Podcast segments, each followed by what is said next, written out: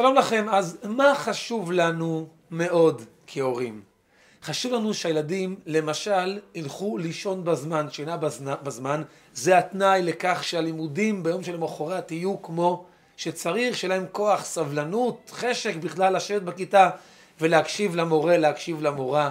מאוד חשוב לנו שאחרי שאוכלים את ארוחת הערב יפנו את הצלחת לפח. מאוד מאוד גם חשוב לנו שילדים ידברו בשפה נקייה. וחשוב לנו גם שיעשו שיעורי בית. וגם מאוד חשוב לנו שיתלבשו בצורה שמתאימה לפי קוד הלבוש שאנחנו מאמינים שכך צריך uh, uh, להתלבש. לפעמים, מרוב שהדברים האלה כל כך חשובים לנו, אנחנו לחוצים שזה יקרה, להוטים שזה כבר יקרה, ועושים בדרך כמה דברים שבמקום לכוון את הילדים לאותו כיוון, לאותה דרך, לאותה צורת חיים, אנחנו אפילו מבלבלים אותם. אז בשיעור היום נלמד בעזרת השם מהי הדרך, מהי השיטה, שיטה שהיא לא מסובכת, שיטה פשוטה, הגיונית, מעשית, לגרום לילדים לשנות דרך, לשנות התנהגות לכיוון שבו אנחנו, אנחנו מאמינים. נראה מה השיטה הזו, נראה גם מה התנאים להצליח בשיטה הזו, כפי שנדבר עכשיו בעזרת השם. אני רוצה אבל להקדים סיפור, סיפור שבעצם ימחיש ויראה מהי הדרך ל- ל- ל- לשנות התנהגות, לכוון להתנהגות, לעורר מישהו לדבר שהוא לא עשה עד היום. המלחמה התחילה לפני 81 יום, וכשהתחילה המלחמה אז כמובן הלב של כולנו בער וגעש, וכל אחד רצה לעשות מעשה ש... שיעזור, שיועיל, שבאמת יעזור לעם ישראל ולחיילים וישפר את המצב. ובתקופה הזו כל אחד אה, ככה השתדל ועדיין משתדל לתת את המיטב שלו, את המירב שלו, את המאה אחוז שלו. אני החלטתי שאני יוצא מדי יום עם זוג התפילין שלי, והולך להניח תפילין לאנשי חירום, אנשי מד"א, אנשי כיבוי אש, אנשים אנשי משטרה. והתברר לי שבבית ספר שממש סמוך לבית שלי, ישנם, ישנם שם אנשי רפואה, אנשי מד"א, מתנדבים מחוץ לארץ, אנשי הצלה מחו"ל. זה בית ספר שחטף פגיעה ישירה של טיל, וגם אין לימודים, הרי במלחמה, בשבועות הראשונים לא היו לימודים. אז שם התמקמו, התמקמו אנשי הרפואה, אז הלכתי לשם, ואני ניגש אליהם תפילין, שואל מי רוצה להניח תפילין, ושם פגשתי יהודי מאוד מאוד נחמד, שהוא בעצם היה, הוא אחראי שם על כל אנשי הרפואה באותו בית ספר, ואדם ממש נעים, נחמד, הצעתי לו שאניח תפילין, והוא הסכים. התברר לי שכבר, עוד, עוד לפניי, כבר מישהו אחר הניח לו תפילין יום, יום או כמה ימים קודם לכן. וככה דיברנו, סיפר לי באיזה קיבוץ הוא גר, ו... וככה דיברנו, וככה התחלתי להגיע שם יום אחרי יום אחרי יום, וקבוע כשאני מגיע ואותו יהודי נחמד נמצא, אז באופן קבוע הוא מניח תפילין. וכך עבר זמן, ויום אחד הוא מספר לי שהבן שלו נכנס לעזה. הבן שלו הוא קצין, ב... קצין בחיל ההנדסה, אה, מהחבר'ה האלה שנוסעים על ה-D9ים ומשטחים שם את כל מה שצריך לשטח. ואני כשמעתי שהבן שלו בעזה, אני האמת גם נלחצתי, כי, כי זה היה בתקוף, ככה בהתחלה, היום קצת התרגלנו שחיילים בעזה, זה היה די בהתחלה, שכבר זה היה, זה היה קצת הרבה יותר נשמע מלחיץ ממה שהתרגלנו היום. ו, ואני אומר לו, מה באמת, וואו, ואיך הבן שלך, וככה כמעט כל יום כשנפגשנו, עם התפילין, אז השיח היה על הבן שלו. אני גם אמרתי לו בהתחלה, כשהוא סיפר לי, אמרתי לו, בוא תניח תפילין, ונצלם את זה, ותשלח את זה לבן שלך, תגיד לו, בני יקירי, אני מניח תפילין בשביל ההצלחה שלך, שתחזור בעזרת השם בריא ו- ושלם. וככה עשינו באמת. וככה עובר יום אחרי יום, ואנחנו נפגשים מדי פעם, והוא מניח תפילין, ואני אני מתעניין בשלום הבן שלו, כי באמת דאגתי לבן שלו. ו... אחרי תקופה, אז העבירו אותנו מבית הספר למיקום אחר בעיר, ואחרי תקופה כבר הוא הפסיק להגיע, ומספרים לי החברים שהוא הלך לקיבוץ כרמיה. קיבוץ כרמיה שנמצא בעוטף, הוא שם גם, שם עם חבר'ה ש, ש, של רפואה. בסדר? וככה בעצם אפשר לומר שדרכינו נפרדו. עוברים כמה, עברות כמה שבועות מאז, ויום שישי, לפני כמעט שבועיים, אני מקבל אה, הודעה בטלפון.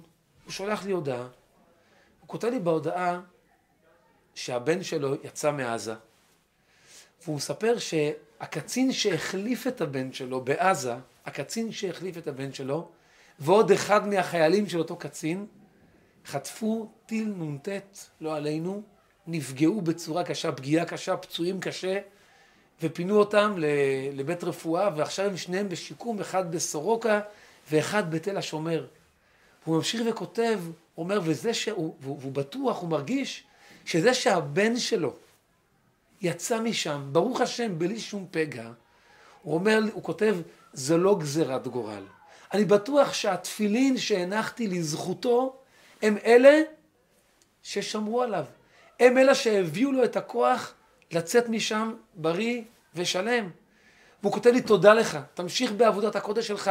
הוא מוסיף את המילים, אני ממשיך להניח תפילין גם בכרמיה.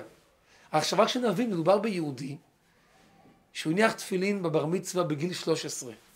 ומאז הוא כיום בגיל 50, הוא לא הניח תפילין כל השנים האלה, הרבה הרבה שנים. ורק עכשיו במלחמה, בפגישות שלנו, הוא, הוא, הוא הניח תפילין כמעט מדי יום כשנפגשנו. ויהודי שלא הניח תפילין כל כך הרבה שנים, כנראה שתפילין זה לא נמצא בראש סדר מעייניו. באמת, הוא מכבד את זה מאוד, אבל יש, הוא לא עושה את זה כל יום, כי זה לא עמד לו בראש כמשהו אולי כל כך כל כך חשוב, כן, בסדר אה, של חשיבות גדולה, ופתאום בעקבות הנחת תפילין של יום אחרי יום אחרי יום, תקופה, כמעט כל יום, בתקופה כל כך ארוכה, פתאום נכנס אצלו בלב, בנשמה, שהתפילין זה משהו באמת חשוב, באמת חזק. הוא זוקף את הצלתו של הבן שלו להנחת תפילין שלו. הוא, הוא רשם לי את ההודעה הזו וכל כך התרגשתי. ואמרתי לו שאני חייב לספר לו אה, אה, סיפור שממחיש עוד את מה שהוא אומר. סיפרתי לו סיפור אה, שפעם קראתי על אישה יהודייה שפעם בזמן מלחמת וייטנאם הלכה ברחוב בניו יורק בשבת אחר הצהריים, היא עברה ליד בית מדרשו של הרבי, וכשהיא עוברת שם, הרבי עבר גם והרבי פונה אליה, והרבי אומר לה, גברת, את יהודייה? היא אומרת כן. אז אומר לה הרבי, את יודעת, אולי אה, אה, לא כדאי שתלכי עם התיק שלך בשבת, היא הלכה עם התיק האישי שלה, תיק צד, תיק יד כזה. והרי בשבת אסור לטלטל איפה שאין עירוב, ושם אין עירוב. אז הרבי אומר לה, לא כדאי שתלכי עם זה, אבל היא לא הבינה מה הרבי רוצה ממנה. הרבי אומר לה, שוב, את יודעת, לפי הכללים של, ה, של היהדות, של ההלכה היהודית, בשבת אסור ללכת עם תיק יד. והיא לא מבינה מה, מה, כאילו, מה, מה לא בסדר, מה רוצים ממנה. ואז הרבי פונה אליו ואומר לה, גברת, אם אני אומר לך שהבקשה שלי, שאני מבקש ממך עכשיו, זה למען הבן שלך, את תעשי את זה?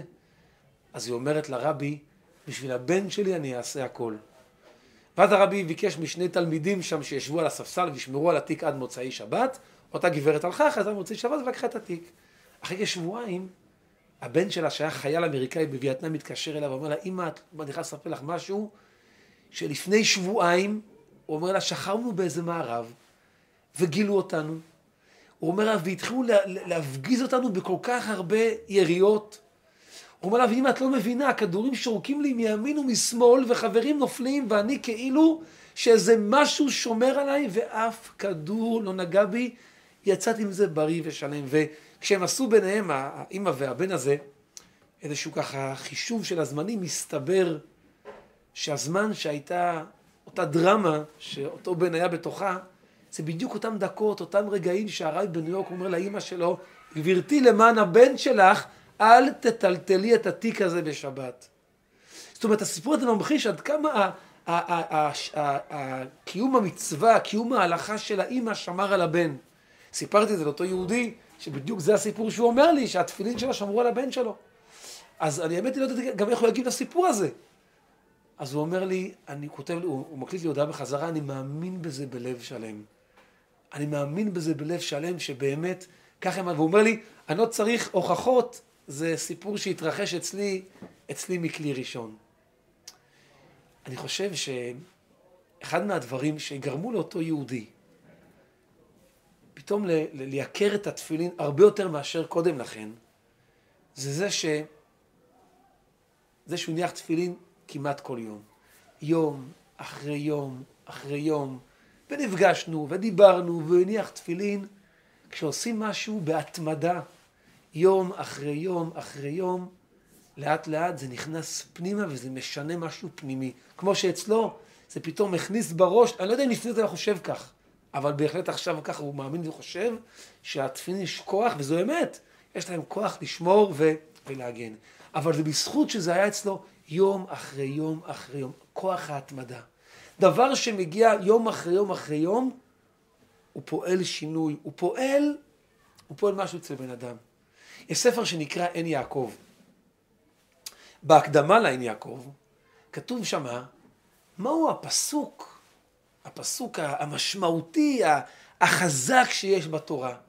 אז יש שם מי שאומר שהפסוק המשמעותי ביותר זה הפסוק, הפסוק החשוב ביהדות, שמע ישראל, השם אלוקינו, השם אחד. אבל כתוב שם ששמעון בן פזי אומר שהפסוק החשוב הוא את הכבש האחד תעשה בבוקר ואת הכבש השני תעשה בין הערביים.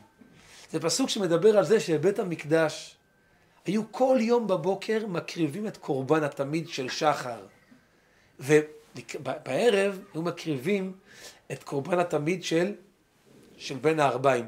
תפילת שחרית היום היא כנגד קורבן תמיד של שחר, ותפילת המנחה זה כנגד קורבן תמיד של בין הערביים. מה מיוחד הפסוק הזה? למה הוא כזה חשוב? למה שמעון בן פזי אומר שזה הפסוק החשוב? אז ההסבר לזה הוא, כי את הכבש האחד שהקריבו בבוקר ואת הכבש השני בין הערביים, היו עושים את זה כל יום, יום אחרי יום אחרי יום. כוח ההתמדה. כל יום עשו את זה ביום חול, בשבת, ביום הכיפורים, כל השנה כולה, כל השנים כולם. דבר שהוא בהתמדה הוא עוצמתי. לכן אומר רבי שמעון בן פזי שזה הפסוק.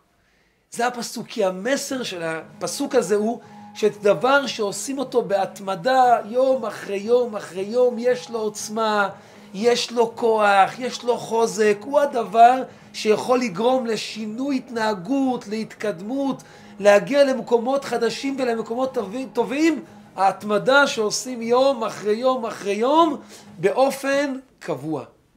ואם כן, אם אנחנו רוצים לגרום לשינוי התנהגות צעדים שלנו, צריך לעשות דברים באופן קבוע. מה זה אומר? התחלנו עם, עם רשימת דברים שהיינו רוצים שישתנו, שינה בזמן, ולפנות את האוכל, ושפה נקייה וכולי.